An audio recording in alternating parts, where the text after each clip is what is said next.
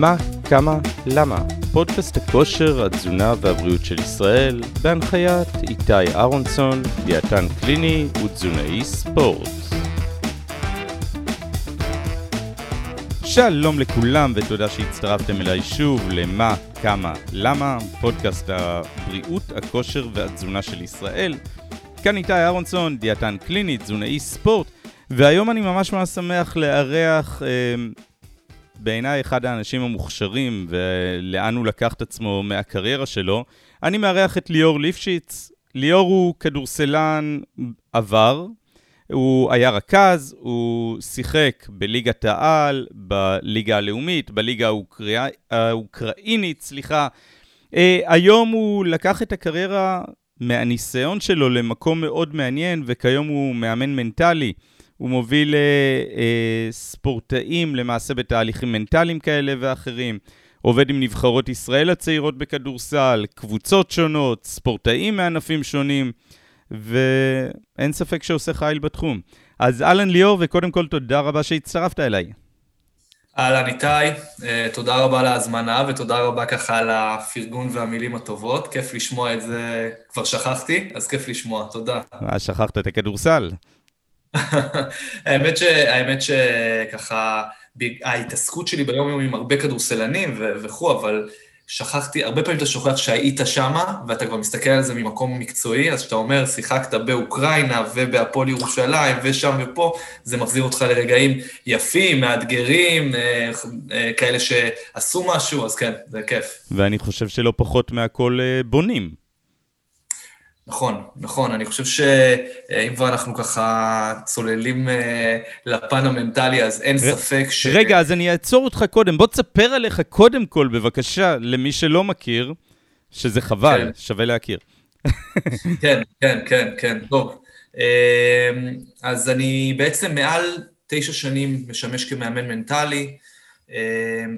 אה, וחשוב להגיד איך הגעתי לזה. זאת אומרת, בסופו של דבר, אמ, מי שיראה אותי, הוא לא יראה שחקן כדורסל, הוא יראה בחור צנום, קטן, מטר שבעים ושמונה סנטימטר, אמ, שבגיל צעיר הייתי צריך, אתה יודע, אה, אה, אה, לגרוב שני זוגות גרביים ולחפש מדרסים כדי להיות יותר גבוה. והבנתי באיזשהו שלב שלא משנה כמה כישרון היה לי ככדורסלן, הפן המנטלי הוא זה שיכריע ויעזור לי להגיע לממש את הפוטנציאל ולמקסם את עצמי. אז אני שחקן כדורסל למשך 16 עונות, שחקתי בהפועל ירושלים, בהפועל חולון, עודד קאטה שימן אותי בגיא עליון, עשיתי לא מעט, אבל אני חושב שבאיזשהו שלב יחסית מוקדם בקריירה, הבנתי שזו לא הקריירה האמיתית שלי בחיים, אלא ההיבט המנטלי, התחום המנטלי, העולם המנטלי, הוא זה שמרתק אותי. אני אמ, בקרוב אהיה פסיכולוג, פסיכולוג מוסמך, שמתמחה אה, אה, בהתמחות בספורט, אה, וכל כולי בזה. אולי עוד משפט אחד, עוד משפט אחד, הכי חשוב. אני נשוי למור ויש לי שני ילדים מקסימים, מעיין ויאלי. אני באר שבעי במקור. שני ההורים שלי מורים לחינוך גופני, אבא שלי אחר כך אה, התקדם אה, למקומות אחרים, אבל אה, מורים לחינוך גופני ואני נורא נורא גאה, גאה בהם. זה אני בגדול. מדהים, מדהים. אז בוא, בוא ספר לי קודם, התחלנו לצלול וקטעתי אותך. כן. מה, מה, מה זה אימון מנטלי? מה זה אימון מנטלי לעומת פסיכולוגיה, שאתה הולך להיות גם פסיכולוג אותו? מה, מה כן. ההבדלים ומה זה נותן לנו למעשה? כן, זה, זה, זו שאלה טובה, כי um, הגבולות uh, מטשטשים, והרבה um, פעמים אנחנו נפגשים עם uh, פסיכולוגים ומצפים מהם שיעשו עבודה של מאמן מנטלי, או ההפך, ואני אתחיל בזה שזה שני דברים מאוד מאוד שונים. זאת אומרת, uh, בשביל, היום, בשביל להיות מאמן מנטלי, אתה צריך איזושהי הכשרה, בדרך כלל של שנה, אולי קצת יותר, לעומת זאת פסיכולוג, להיות פסיכולוג אתה צריך להיות תואר ראשון, עם תואר שני, עם סטאז' נורא נורא ארוך, זה הדברים שאני עברתי כדי להגיע, אה, להיות ממש בקרוב אה, פסיכולוג, ובסופו של דבר, האימון המנטלי בא ומייעץ אה, לך ומלמד אותך טכניקות מנטליות שבאמצעותם, בעזרתם, אתה יכול לשפר את הביצועים שלך, כן? להגיע לביצועים גבוהים. לעומת זאת, וזה בגדול, תכף אה, אם נרצה נת, נת, נתמקד עוד יותר, אבל העולם של הפסיכולוגיה, פסיכולוגיית הספורט, בא ואומר, אני רוצה לראות את, ה, את הספורטאי, את המטופל, ברמה יותר גדולה, זאת אומרת, ברמה יותר עמוקה, להבין מי הוא, מה הוא, מה החולשות, מה החוזקות, אמ, ועל פי זה, ועל פי כל מיני עקרונות שאנחנו ככה לומדים שמאוד מאוד, למשל עקרון התקופתיות. זאת אומרת, זה עיקרון של, יכול להיות שאני כמאמן מנטלי יודע ללמד טכניקה מסוימת, דיבור, דיבור עצמי, או הדמיה, או יש לא מעט טכניקות שאפשר ללמד, אמ, אבל אמ, בהיבט הפסיכולוגי, כן, אנחנו רואים את הדברים בצורה קצת יותר עמוקה, קצת יותר גדולה, עם המכלול של הדברים. זה טוב וזה טוב, כמובן. אני חושב שבסופו של דבר, באמת, זה הבן אדם שעובד עם הספורטאי. מי הוא הבן אדם, מה הוא סל הערכים שלו, כמה הוא לומד ומשתלם מעבר להיותו פסיכולוג או מאמן מנטלי.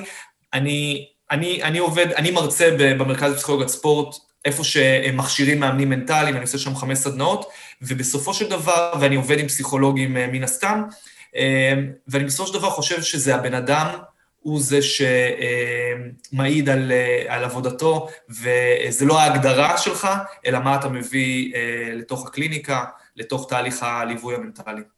מעולה, תודה. ואיך מתבצע בפועל עבודה מול ספורטאים, בפן המנטלי?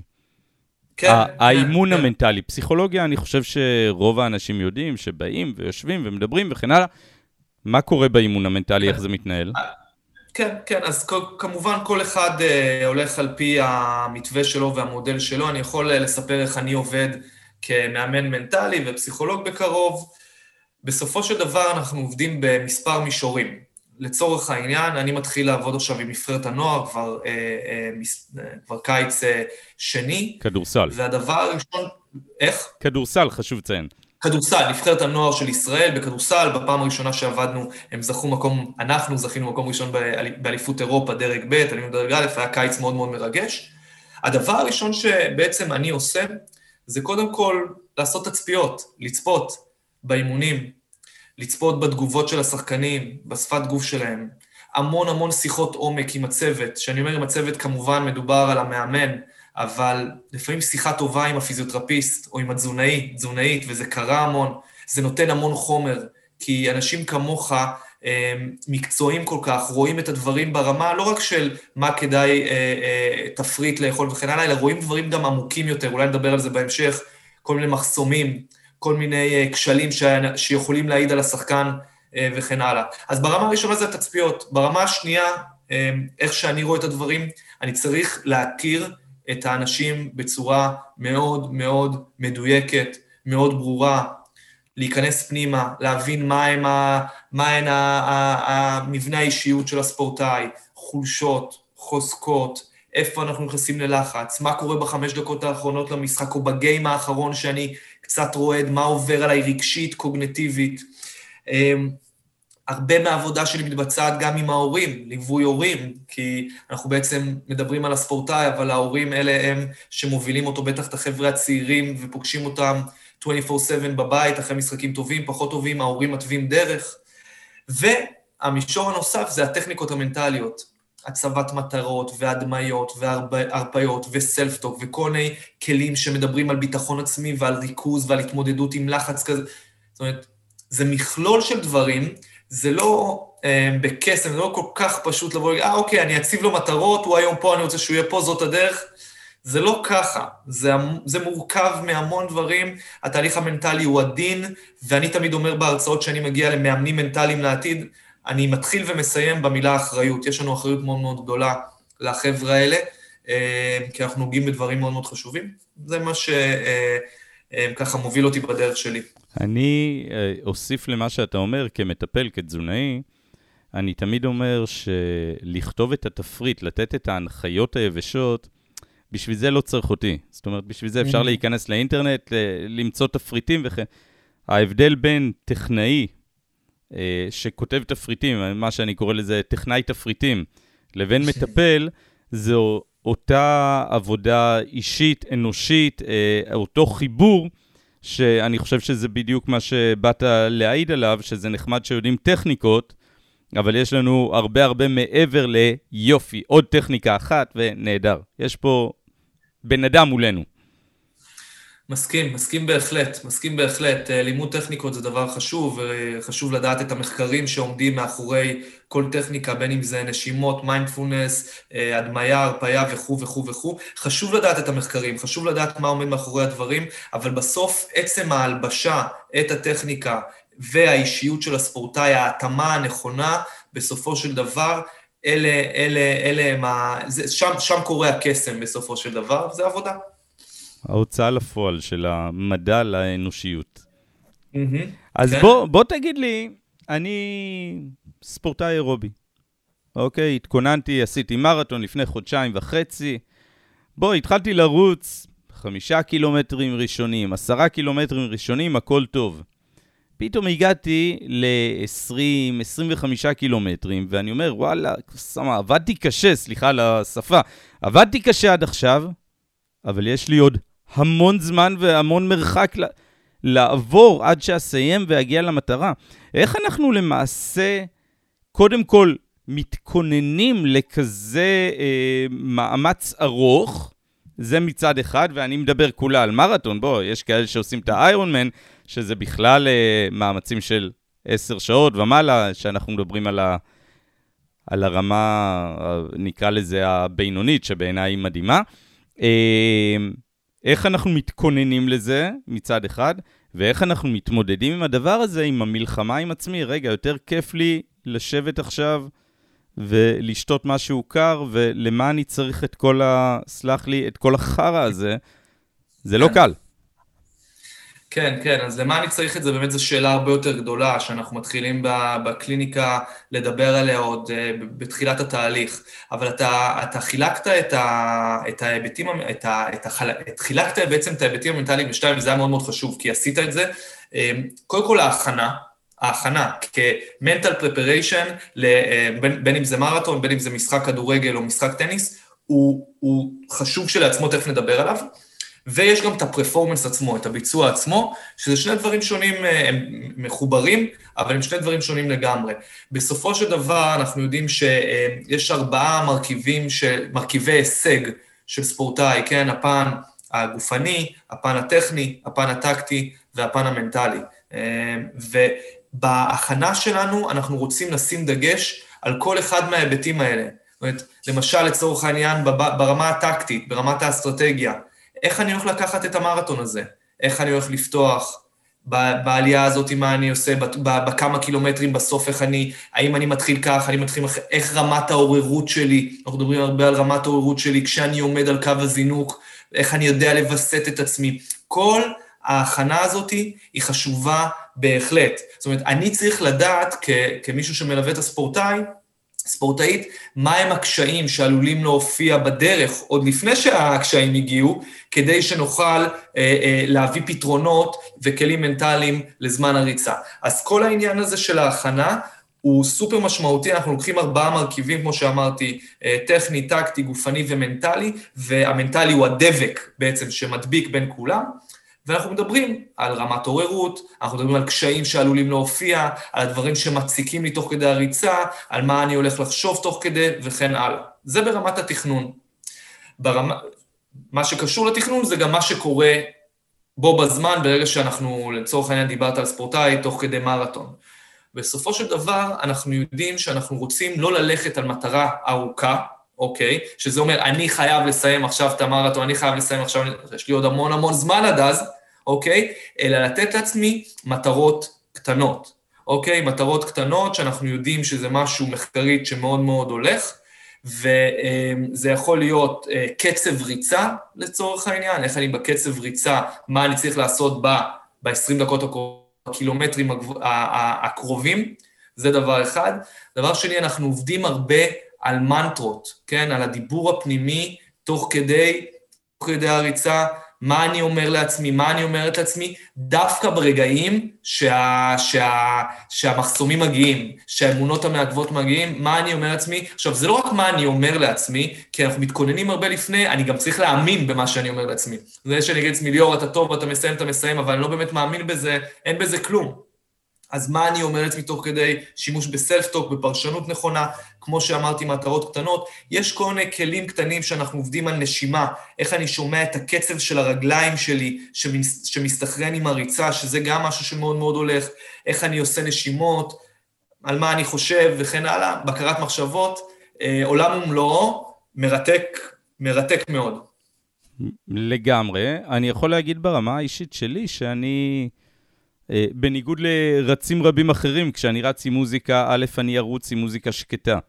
מוזיקה, מוזיקה מהירה, אה, ביט גבוה, אני מאבד את הקצב של הריצה, אני כבר לא מרוכז. אה, ו- ואני תמיד מנסה את המחשבות להסיח לכל דבר אחר, זאת אומרת, להיות מרוכז בדברים אחרים. בין אם זה השירים, בין אם זה לא לחשוב, לנקות את הראש כמה שרק ניתן. זאת אומרת, תשאל אותי בסוף ריצה ארוכה על מה חשבתי או איך עבר לי הזמן, התשובה הכי ישרה שאוכל להגיד זה שאין לי מושג. לא כן. יודע. כן, וזה זה דבר, זה דבר uh, חיובי וטוב, כי אנחנו מכירים את uh, פרופסור דניאל קנמן, uh, זוכה פרס נובל, והוא מדבר על שתי מערכות, מערכת, uh, מערכת אחת שהיא מערכת שהיא uh, חושבת בצורה אוטומטית, כן? למשל שאנחנו נוהגים, אנחנו פשוט פתאום, אה, איך הגעתי לפה? אה, והמערכת השנייה היא יותר מערכת מבוקרת, כן? שמבצעת חשיבה שהיא מבוקרת, חשיבה אה, קרה, מנתחת, וכשאתה אומר לי, תשמע, אני לא אני לא חושב על כלום, זה לא שאתה לא חושב על כלום, פשוט הדברים נמצאים אצלך כנראה כי אתה ברמת אימון. מאוד מאוד גבוהה, והם נוצרים ברמה אוטומטית וטבעית, ואתה לא צריך אה, לחשוב על הדברים האלה. אנחנו מדברים על, על, על, על חשיבה אוטומטית ומבוקרת עם למשל שחקני כדורסל, כי אם שחקן כדורסל יחשוב לפני שהוא זורק לסל ולא יבצע את זה בצורה אוטומטית, כנראה זה יסיח את דעתו ואז הכלייה תהיה באחוזים פחות טובים. אנחנו מדברים עם שחקני טניס לפני הסרב שמבצעים, איך הם עושים רוטינה שהיא קבועה כדי שלא יהיה את, המ, את המחשבות, את היסחי הדעת, אז זה ממש... וערך אה, נדל? וואו, כן, כן, אז נדל יש, נדל, קודם כל יפה שהעלית אותו, כי נדל זה מעניין, כי, כי נדל אתה כבר אומר, רגע, זה, זה רוטינה, זה אמונה תפלה, מה זה, הוא מסדר פה את השיער, הוא מוציא את התחתונים, הוא לא דורך על הקווים, כן, אנחנו מכירים את זה, יש סרטון נהדר למי שרוצה ביוטיוב, אולי תעלה אחר כך למי שירצה לקבל את הלינק לסרטון הזה. אני אשמח. ו- ובסופו של דבר, שאתה עושה דברים שהם בשליטתך, זאת אומרת, אה, אה, היה לי שחקן ש- ששיחק אה, בצפון, והוא אוהב ללכת לים, כן, לים ביום של, ביום של משחק, אבל הוא עבר לבאר שבע, לשחק בבאר שבע, אז, אז, אז מה לעשות? אז אתה צריך להתרכז, להתמקד בדברים שבשליטתך, ואם אתה באמת עושה לך טוב לפני סרב לעשות אחת, שתיים, שלוש, כי זה ממקד אותך, זה מעולה, לפעמים אה, הספורטאים בוחרים דווקא באיזשהם אמונות תפילות שהן לא תמיד בשליטתם, ששם זה, זה קצת ריסקי. הבנתי, זה מעניין. עכשיו, תאמר לי, לא אחת אנחנו מגיעים, וזה, אני יוצא רגע מעולם הריצה, למרות שזה גם נכון בריצה. Mm-hmm. אה, אימון גרוע, משחק גרוע, ופתאום מחר יש עוד משחק, תחרות, אימון, ופתאום אנחנו מגיעים אה, בסוג של חוסר ביטחון. איך אנחנו איך מרימים את עצמנו, או איך מגיעים למקום שאנחנו יכולים להתמודד עם זה ולהגיע עדיין לביצוע שיא, זה מצד אחד. מצד שני, איך אנחנו מרימים ילדים, בני נוער, אחרי משחק גרוע, ופתאום הם אומרים, די, אני לא מוכן יותר, אה, אני לא רוצה יותר לחזור למקום הזה, כי היה לי כל כך רע והרגשתי כל כך רע. אז נחלק את זה לשניים, ברשותך. כן, אז אני אתחיל עם, עם השאלה השנייה, או הנושא השני, ואם אני אשכח עד אז את הראשון, אתה תחזיר אותי קדימה. אם אני אזכור. אה, אחור. בדיוק, יפה, יפה. אז אנחנו באמת רואים המון אה, ספורטאים, לאו דווקא צעירים, אבל גם צעירים, שבסוף אה, מפסידים, נכשלים, לא הולך להם, והביטחון עצמי, הערך העצמי נפגע, נפגע במיוחד. אז אני רוצה דווקא להגיד שהתהליכים המנטליים שאני עושה, אנחנו, אנחנו מצד אחד לפעמים גם צריכים לכבות שריפות. זאת אומרת, אה, ילד מגיע אליי שהוא רוצה לפרוש, או שהמאמן אמר לו משהו, שהוא בפציעה, ואז אנחנו צריכים...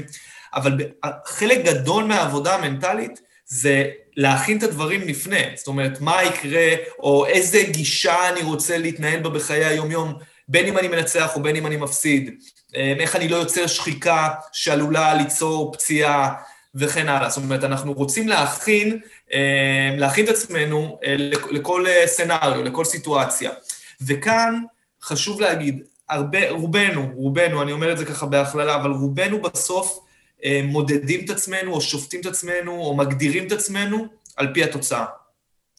ו, וכאן אנחנו נכנסים לבעייתיות אה, ו, ולמכשול אדיר, כי בסופו של דבר, שחקן שסיים משחק עם 0 מ-5 מהשלוש, או עם אה, אה, כמה החטאות של סרבים חשובים בגיים החשוב, והוא אומר, אני בגלל שהפסדתי 0 מ-5 מהשלוש, אז אני, אז אני שחקן גרוע, ואז הביטחון יורד, כאן, כאן בעצם מתחילה הבעיה.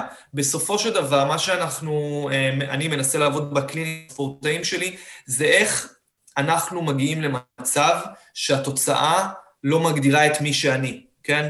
שהערך שלי, שהערך של מה שיש לי, הוא, הוא בלתי פגיע. זאת אומרת שהכישרון שלי, שמה שיש בי, הוא לא משתנה בעקבות הצלחה או כישלון, כן? גם הצלחה, מה שיש בי, יש בי. נכון, את הכישרון שלי אני יכול לטפח, אני יכול להתאמן על הדברים, הן מנטלית, הן אה, מקצועית, הן גופנית, אבל ברגע שספורטאי כל הזמן מחשיב את עצמו, מחשיב את עצמו על פי התוצאה, שם כבר הערך העצמי, שם כבר הביטחון העצמי אה, אה, אה, מתנדנד, אז אומר, הצלחתי, אני מלך, הפסדתי, אני אפס, ושם מתחיל כל העניין של הביטחון העצמי להידרדר.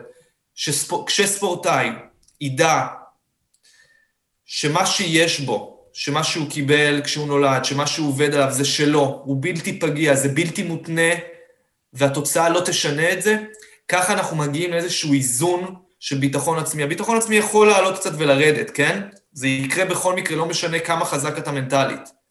אבל אם אתה מבין שמי שאתה לא משתנה בגלל, בהתאם לתוצאה, שם אתה יכול ללכת בראש מורם. הרבה פעמים אני שואל ספורטאים, נתת את הדוגמה, הפסדתי, החטאתי, לא משנה מה, אתה שלם ממה שעשית? זאת אומרת, זה הזריקות שאתה היית לוקח, בכל מקרה, אלה הדברים שרצית להגיד למאמן, גם אם הוא לא לקח את זה טוב, ואתה שלם עם הדברים, שם אנחנו מגיעים לאיזשהו מקום של, של, של, של, של שלווה, של uh, תחושה של, אוקיי, אז זה מה שנעשה.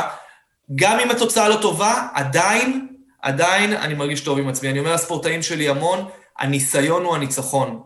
ברגע שאנחנו נתמקד בניסיון, בעשייה, במאמץ, בביצוע, ולא בניצחתי או הפסדתי, כתבו עליי בוואן או בערוץ 5 או לא, אז אנחנו נמצאים במקום טוב, ולשם אנחנו שואפים להגיע.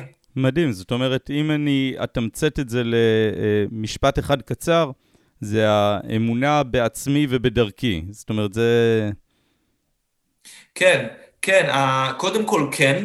אני גם אומר את זה באותה נשימה שאני יודע כמה זה קשה להגיע לאמונה בעצמי ובדרכי, זה לא, זה לא פשוט, בטח שיש יריב ושופט ומאמן וקהל, ו- וקורא, ואתה רוצה להתקדם ולהיות עוד קצת יותר טוב, אבל כן, הידיעה הזאתי שאני מתמקד בביצוע, בעשייה, בכאן ועכשיו, במה שבשליטתי, ולא בתוצאה הסופית, ולא במה אמרו עליי, ולא באם אני, ואם אני אפסיד. יכול להיות שאתה תפסיד. כל, אני תמיד אומר לספורטאים שמגיעים לפה לקליניקה, כל מי שנכנס לפה, כל מי שאני אשאל אותו רוצה לנצח. השאלה זה לא אם אתה רוצה לנצח או לא, השאלה כמה אתה תוכל להביא את עצמך להתמקד בפרפורמנס, בביצוע, בדברים שהם בשליטתך. וכשאנחנו מגיעים לכזה מצב, אז אנחנו שלמים עם הדרך שלנו. יש איזושהי שלווה פנימית, שקט פנימי, שיוצר ביטחון. מדהים. אני חושב שדוגמה יפה לזה היה, אני לא זוכר בדיוק באיזה משחק, אבל ששרס הגדול שיחק במכבי. כן, ש... 0 מ-8, 0 מ-10. היה לו איזה 0 מ-8, 0 מ-9 וזריקה אחרונה, ואף אחד לא מבין מאיפה היה לו את האומץ הזה לקחת. ומטר מהשלוש דפק איזה זריקה לסל וניצח את המשחק ככה. כאילו, שאף אחד לא הבין מאיפה זה הגיע, איך זה הגיע. אבל אני חושב ששרס זה סיפור מיוחד בפני עצמו, האופי נכון. שלו.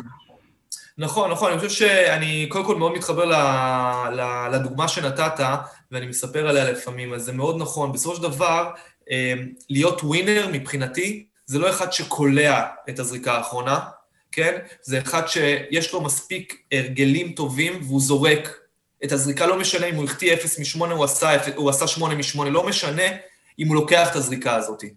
אנחנו מכירים את המשפטים של, את המשפט המפורסם של מייקל ג'ורדן, שעולה לכולנו לראש, ניסיתי וזרקתי שלושת אלפים, והחטאתי שלושת אלפים זריקות, והפסדתי זריק... אבל בסוף, הצלחתי כי ניסיתי, כן? ו- ו- ולשם אנחנו שואפים להיות, שם אנחנו שואפים להגיע.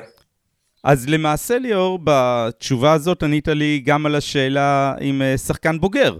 זאת אומרת, אה, היה חרא של אה, אימון, חרא של משחק, תאמין בצדקת הדרך וביכולות שלך, ומשם תמשיך לעבוד. כן, כן, אני יודע שכשאנחנו אומרים את זה, זה נשמע קל ופשוט. טוב, תאמין בעצמך, תמשיך לעבוד.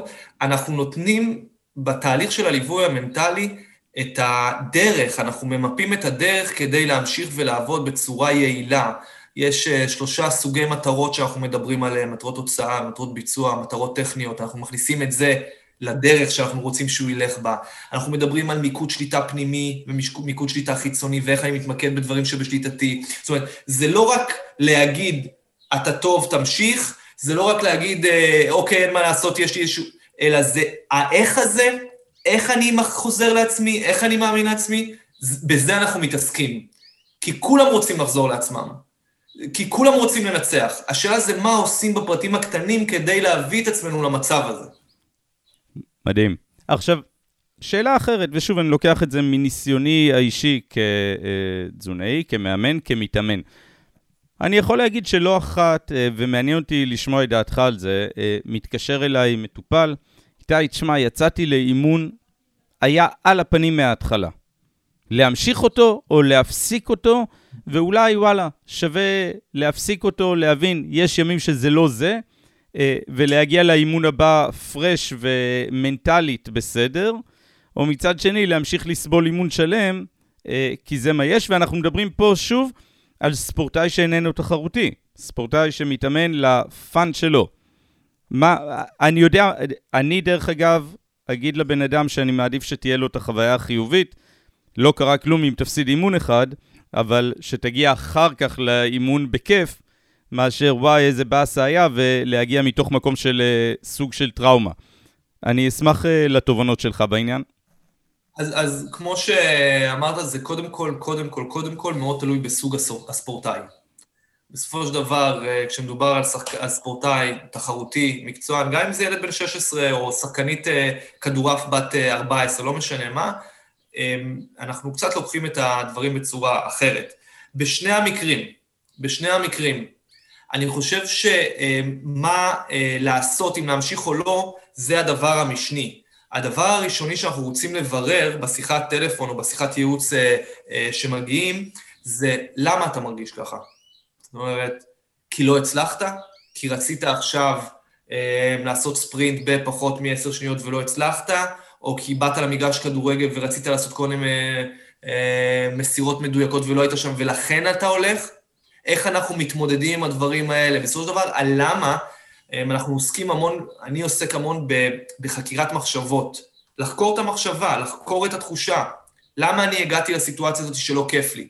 הרי אני אוהב כדורסל, אני אוהב ללכת לשחק ואני נהנה מזה, ואני, וגם הלכתי והגעתי למגרש. מה קרה? מישהו אמר לי משהו? התוצאה לא לטובתי? החטאתי שלוש זריקות רצוף? אני חושב שהחקירה הזאת יכולה להראות הרבה. זאת אומרת, בסוף הספורט הוא בבואה של החיים. אנחנו, אנחנו שחקני כדורסל, אנחנו אה, אתלטים, אנחנו מתכוננים למרתון, לא משנה מה. מה שאנחנו מרגישים בפנים זה רפלקציה של מה אנחנו יכולים להרגיש במקומות אחרים. ברגע, ברגע שאני אבין את הלמה, למה זה קורה לי, אני יכול להתחיל אה, לטפל או למצוא את הכלים המנטליים שיוכלו לעזור לאותו ספורטאי. אז כן, לפעמים אנחנו צריכים לדעת להפסיק לרגע, בטח כשאנחנו ספורטאים אה, חובבנים או באים בשביל הכיף, לשבת בצד, לקחת שלוק מים, אבל יותר חשוב מזה, זה להבין איך אנחנו מתמודדים ברגעים האלה, כי אחר כך גם uh, הבוס שלי בעבודה יגיד לי משהו וזה לא יעניין אותי ואני אלך הצידה. או אחר כך המפקד שלי בצבא יגיד משהו, או המורה, או הבגרות לא תצליח לי, ואני אחשוב שאני יכול ללכת, אז דווקא זה חלון הזדמנויות טוב לדבר עם הספורטאי, עם האדם, על הלמה. מדהים. עכשיו, שאלה מכיוון אחר. עלה פודקאסט לא מזמן אה, עם אמיר ויינטרוב, פודקאסט שלי, אה, ואמיר דיבר, דיבר שם בפתיחות אה, על חייו כילד, כבן נוער. ואחד הדברים שאני הכי זוכר מהשיחה איתו הייתה, שאלתי אותו, אמיר, תגיד לי, מה, מה עם חיי חברה? אתה מתאמן פעמיים ביום, עברת לאוסטריה, אה, מה עם חיי חברה? עכשיו, יאמר לזכות אמיר שהוא דיבר על הכל בפתיחות רבה והרחיב על הכל. זו התשובה היחידה שהוא גם דיבר בפתיחות אה, רבה והרחיב, ואמר לי, אין. אמרתי, מה זאת אומרת? אמר, אין, אין חיי חברה. מעניין אותי איך, איך מתמודדים עם זה. ספורטאי, ילד, רוצה להיות ספורטאי תחרותי, יודע מה, אתה ואני כהורים, האם אנחנו רוצים לתת לילד לחוות חוויה כזאת? זאת אומרת, איך אנחנו מתמודדים עם דברים כאלה כשהדרישות הן כל כך גבוהות מחד, הדרישות של המערכת, של המאמנים וכן הלאה, והחוויות של הילדים עם כל זה? מאוד לא פשוט בעיניי.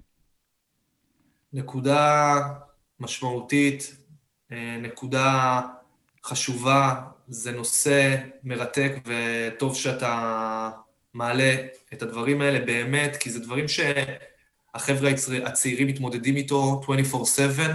אה, בוא, בוא, בוא לא נלך רחוק, אני עזב... אני, אני אוסיף גם שלדעתי במיוחד בענפים יחידניים על אחת כמה וכמה. ענפים קבוצתיים עוד יש את הקבוצה איכשהו. נכון, נכון, נכון, נכון. אין ספק שהענפים היחידניים הם, הם יוצרים אפילו עוד, עוד כל מיני פרמטרים שמקשים עוד יותר על הספורטאי.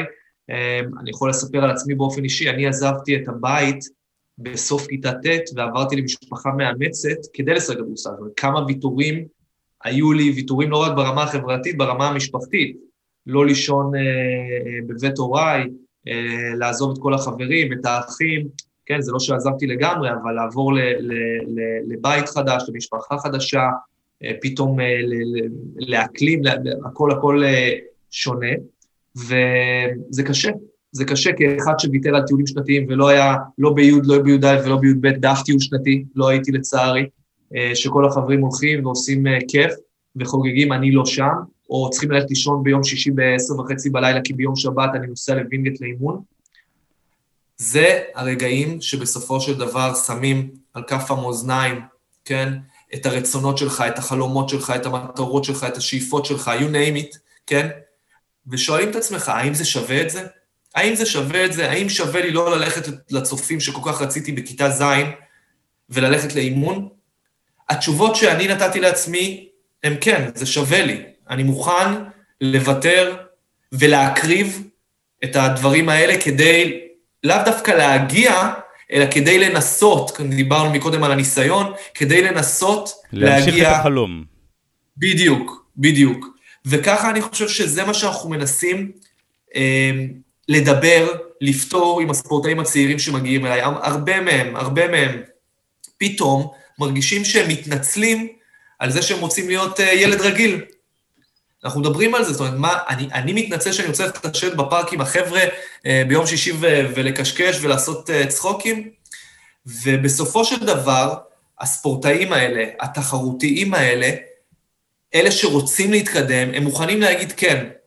אני שם את זה בצד כרגע, אני לא מוותר על זה לחלוטין, כן אפשר שיהיה לך חברה ו- וחברים ולדבר בת... נכון, זה הרבה הרבה הרבה הרבה יותר קשה, אבל כן אפשר למצוא את הרגעים ואת הזמנים שאנחנו מוצאים את, את, את, את, את, הפן החברתי ומרימים אותו קדימה. זה לא פשוט, כמו שאמרתי. החבר'ה האלה מתמודדים עם המון לחצים, ואחד הלחצים זה גם, אני רוצה להיות ילד רגיל ואני לא יכול, וזה נושא שצריך לדבר אותו, צריך לזקק אותו, צריך לנקות את הדברים, והספורטאי, לדעתי, מהנקודת המבט שלי, בטח המבוגר בטוח, אבל הצעיר צריך לקבל החלטות וללכת אחריהם. וללכת אחריהם, ואנחנו יודעים גם כאנשים בוגרים, אולי משפט אחרון, ש, שאם אני רוצה להצליח במשהו, אני צריך שיהיה לי את היכולת להקריב. אין מה לעשות, אי אפשר הכל ביחד. זאת אומרת, אולי אתה היית רוצה עכשיו, ביום הנפלא הזה בצהריים, ללכת לשבת בים לרגע, אבל אתה עושה, אתה היה לך לפני זה, שמעתי מפגש אישי עם ספורטאי, והרצית לפני, כי אתה רוצה להתקדם, כי אתה רוצה להשאיר את עצמך ואתה רוצה לתת לעולם משהו נוסף, אז אתה, אתה, אתה מוותר כרגע על דברים אחרים. אז פה זה אה, ספורטאים, אבל זה יכול לדבר לכל אה, אה, אדם אחר. בהחלט מסכים עם זה. אה, סליחה. רציתי לשאול עוד בהקשר הזה של ספורטאים צעירים, לא אחת אנחנו רואים את הספורטאי מלווה על ידי האבא או האימא, ואנחנו רואים עד כמה ההורים הללו דוחפים אותם. בעיניי, הרבה פעמים בצורה מוגזמת, אה, זה, זה תמיד אה, כינינו את זה אה, שהאבא מנסה להגשים את החלום שלו דרך הבן. ושוב, אנחנו מדברים פה על מכבש לחצים מאוד מאוד לא פשוט על הילד, שהרבה פעמים גם אני לא משוכנע אם האבא שואל את הילד, האם הוא באמת רוצה כל כך הרבה. איך אתה רואה את הדברים האלה ואת ההתמודדות הזאת? כי יש פה איזשהו קונפליקט מאוד גדול. מצד אחד ההורה נותן המון, מצד שני אולי הילד לא, לא שאלו אותו אם הוא רוצה כל כך הרבה. כן, כן. אז, אז קודם כל אנחנו רוצים לצאת אה, מנקודת הנחה ששאלו את הילד. זאת אומרת, זה, זה רצון של הילד כי, אם, כי הוא מגיע למצב שהוא עושה, אה, ולו במעט, משהו רק, או בשביל ההורים, בשביל האבא, אימא, אז אה, יש כאן אה, עניין מאוד מאוד גדול, וזה יפגע לו במוטיבציה הפנימית, ויהיה שחיקה מאוד מהירה, ויהיה מוטיבציה נמוכה להמשך, ואנחנו רואים את הילדים האלה פורשים בגילאים אה, צעירים, אנחנו יכולים לראות את זה מחקרית, ויכולים לשמוע סיפורים מהשטח. בסופו של יום, ההורה נמצא בקונפליקט אדיר. מצד אחד, אני מאוד רוצה לסייע לילד, לעזור לו, לעטוף אותו, לתמוך בו, לקדם אותו אל עבר המטרות שלו, כן? בהינתן זה שהילד רוצה את זה. מצד שני, אנחנו צריכים לשים לב מתי אנחנו מעורבים בצורה מתונה וטובה, ואנחנו עוזרים לילדים שלנו, ומתי אנחנו מתערבים, ואנחנו כבר עושים התערבות שהיא התערבות יתר, ואנחנו כבר אה, נכנסים למקומות שזה לא השטח שלנו, הן ברמה הגופנית, הגופנית המקצועית, המנטלית, שזה לא אנחנו. אין לי ספק שאנחנו כהורים, אתה יודע, זה ממש יצר חייתי לגונן על הילדים שלנו, לעזור להם, להזיז להם את כל המכשולים. אבל אנחנו כהורים גם צריכים להבין, וזה מה שאני עושה בתהליכים פה עם ההורים שמגיעים, שהמקום שלנו זה אפילו לא לעמוד, בטח לא לפני הילד ולהוביל אותו, בהתאם למה שאמרת בהתחלה, גם לא, גם לא בצדדים שלו, אלא להיות שם מאחורה, לפעמים שהוא צריך את הפוש הזה, אם הוא נופל אחורה, להיות שם בשבילו, אבל ברגע שאני נותן לילד לקבל החלטות, ואני נותן לילד להוביל, זה נותן לו יכולות שהן לא קשורות רק לספורט, אלא יכולות שקשורות גם לחיים. איזה יכולות? אז דיברנו על קבלת החלטות, שאני לוקח את ההחלטה, אז זה החלטה שלי, זה אחריות שלי. יותר מזה, שאני לוקח החלטה, זה ברוב המקרים מחזק לי את הביטחון עצמי, את המסוגלות העצמית כי זה שלי. זה מעיד ברגע שהילד מוביל על, על העצמאות שלו, על היכולת שלו לבחור ולסלול את הדרך שלו עצמו. וברגע שההורים האלה מבינים את זה, כן, זה לא פשוט, כי אנחנו מאוד רוצים, זה ממקום טוב כמובן, חשוב לציין, אבל ברגע שההורים מבינים שמש, שלא בטוח שהוא יהיה ספורטאי על, ואנחנו יודעים את זה באמת על השני אחוז הזה שנהיים אה, ספורטאים בסוף. שני אחוז זה לארג'. בדיוק, בדיוק, בדיוק. אלא מה שהוא יקבל מהדרך. ועוד פעם אנחנו מתמקדים פה בדרך. האם בדרך הוא יוכל לקבל ערכים של ספורטאי? איזה, הדרך, איזה ערכים? כמו התמדה, והשקעה, ונחישות, וסובלנות, והאמונה, והיכולת להקריב מה שדיברנו ולוותר אה, אה, אה, על, מה, על מה שדיברנו לפני זה. עצם זה שהוא קיבל את זה מהספורט, ואני נתתי לו לקבל את זה בלי להתערב לו, זה כבר הזכייה באליפות שלי. אחר כך, אם הוא יהיה גם שחקן, טניס, כדורסל, כדורגל, אז בכלל, זה NBA שלי. אבל זה לא משנה, כי, כי, כי ברגע שההורה גם, גם ירגיש פנימה וגם יראה את זה כלפי חוץ, שלא משנה אם אתה ספורטאי על או לא, אני אוהב אותך בכל מקרה, זאת אומרת, האהבה שלי היא ללא תנאים, הנה, אתה רואה, אני נותן לך לקבל את הכל בסדר. אז זה נותן לילד ביטחון מאוד מאוד מאוד גדול. אני מסכים לגמרי גם בעניין הביטחון, גם בעניין העצמאות. אני יכול סתם שתי, שני דברים לספר בהקשר הזה.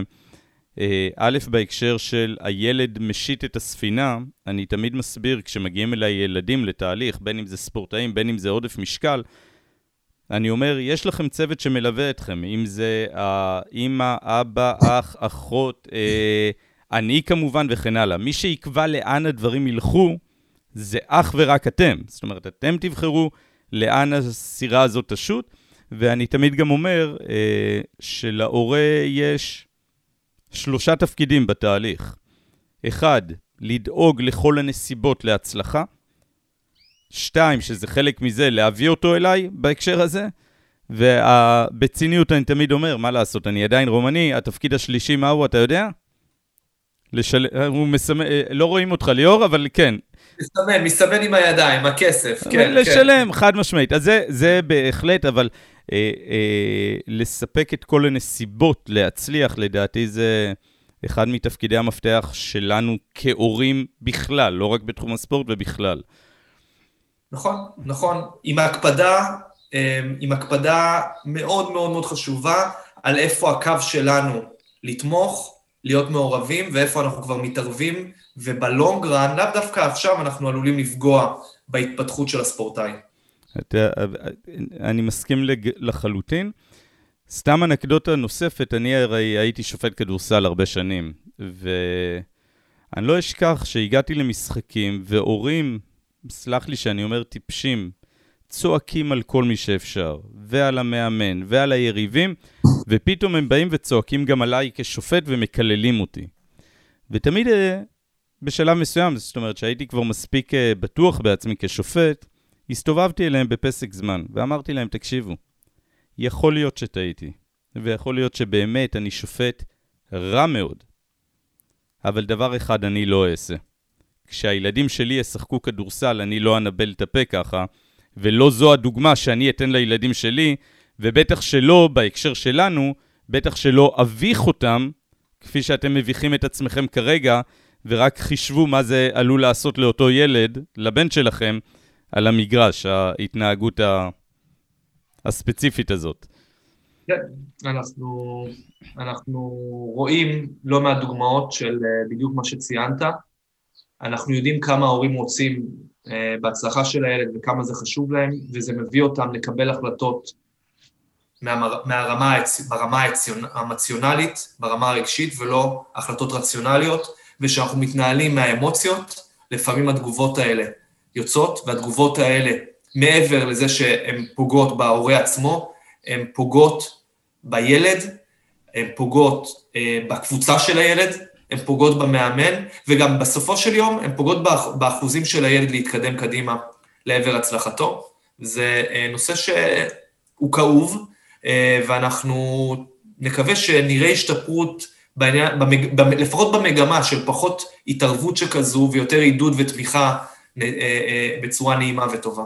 אני חושב אבל שזה מתקשר גם לדיון, היה ליורם מנחם ולי פה בפרק השלישי, שדיברנו על תרבות האינסטנט במדינת ישראל במיוחד, שרוצים אליפויות ולקחת אליפות בגיל שמונה, שמונה אין ליגה, בגיל עשר, אבל העיקר לקחתי אליפות עכשיו, במקום להסתכל על הדרך ולאן אנחנו רוצים להגיע בסופו של יום.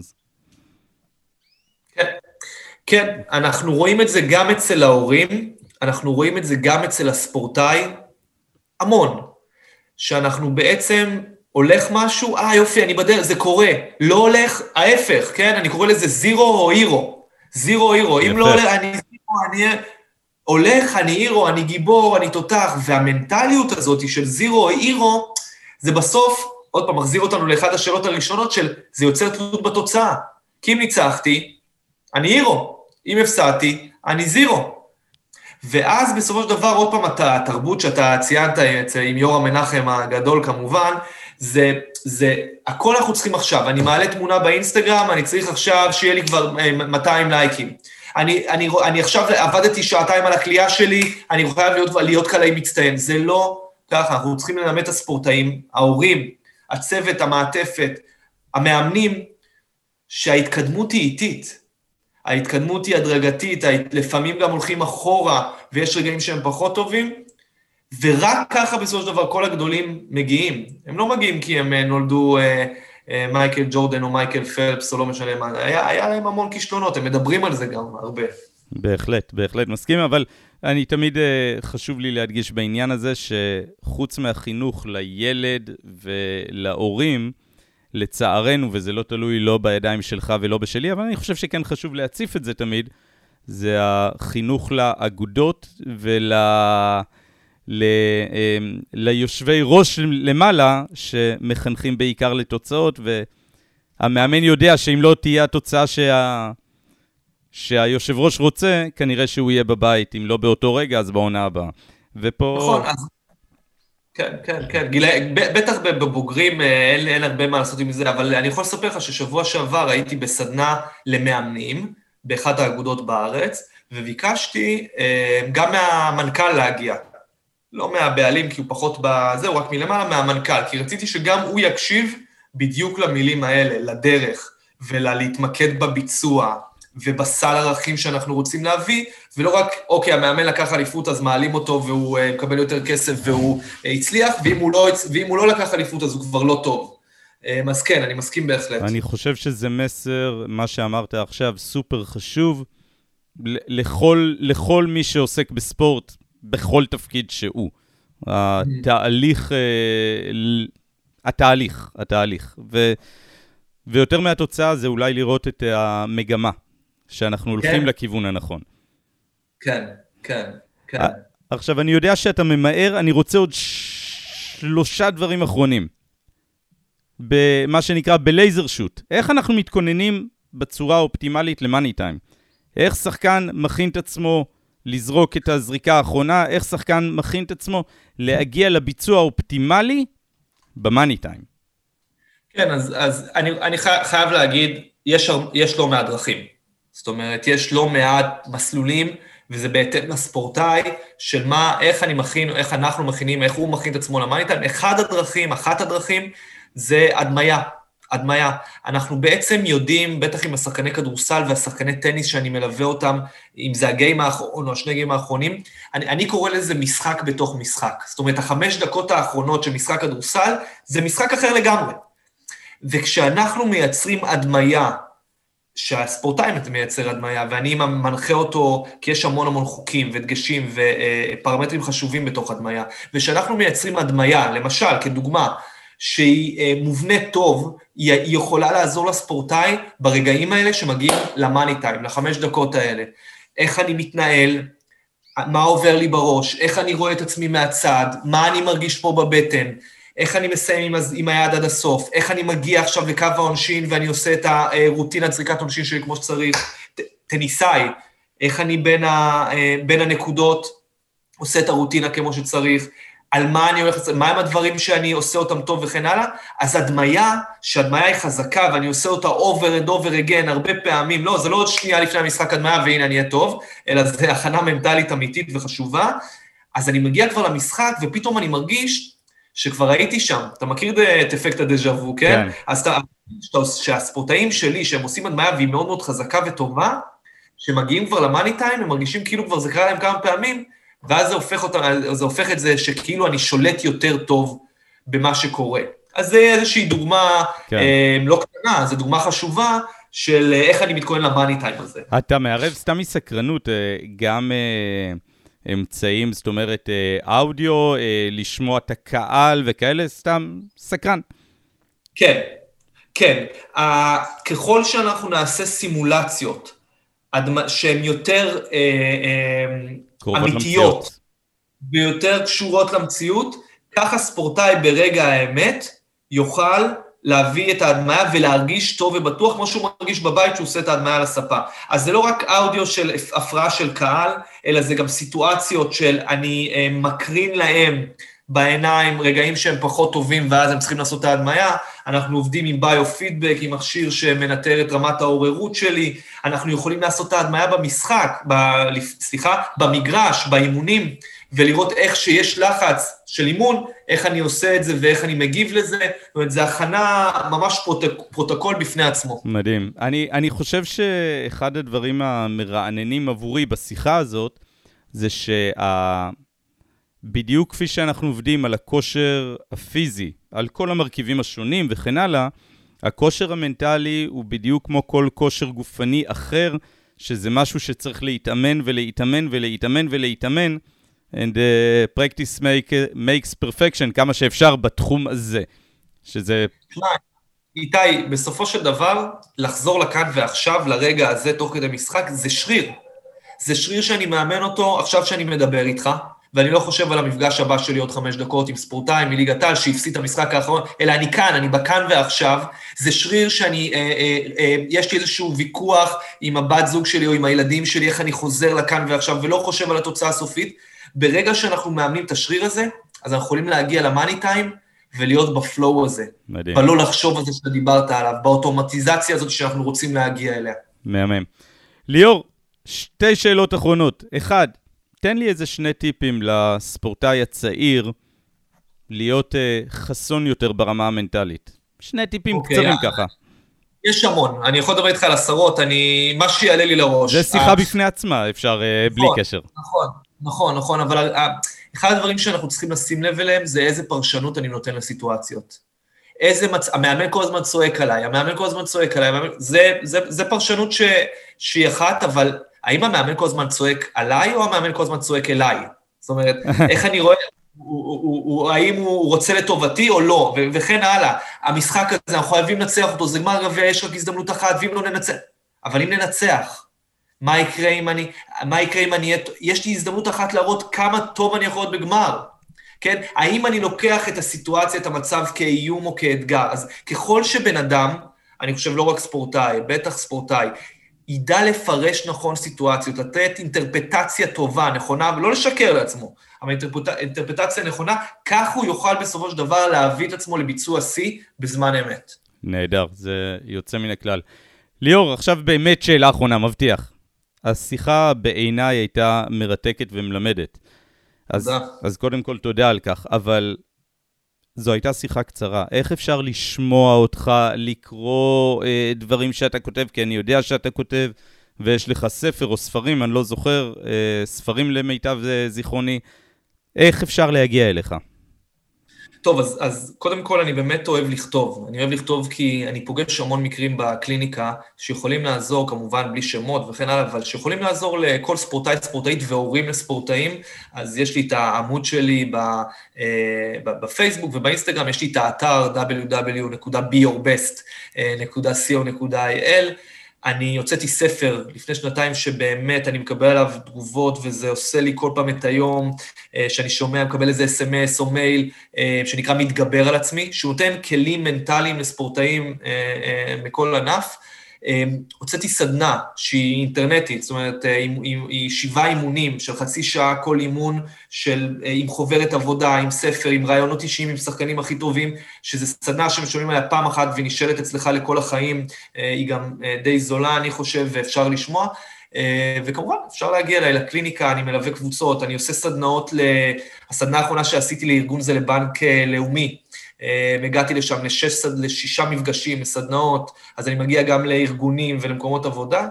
אני כל כולי בזה, אני מקווה שאני עושה טוב, אה, ואני בעיקר נהנה, אני בעיקר נהנה, ואני מרגיש שאני ככה, אני עושה את, ה, את מה שאני אוהב. מדהים. אז be your best, נכון? זה האתר. לגמרי. בהחלט. לגמרי, כן. אז ליאור, זה הזמן שלי להודות לך מאוד מאוד על שיחה מרתקת, מלמדת, ובעיניי... אה, אה, פוקחת עיניים ומאירת עיניים. זה היה מרתק, והמון המון תודה לך שהקדשת לי זמן להשתתף איתי. תודה בשמחה, על כך. בשמחה, בשמחה, וגם אני נהניתי וגם uh, אני עוקב ושומע אותך. אני חושב שלמאזינים שלך, לא רק למטופלים שלך, יש הרבה, ככה, יש להם הרבה אמצעים ללמוד אותך, אז שיהיה המון המון בהצלחה ויישר כוח גדול. תודה, תודה רבה.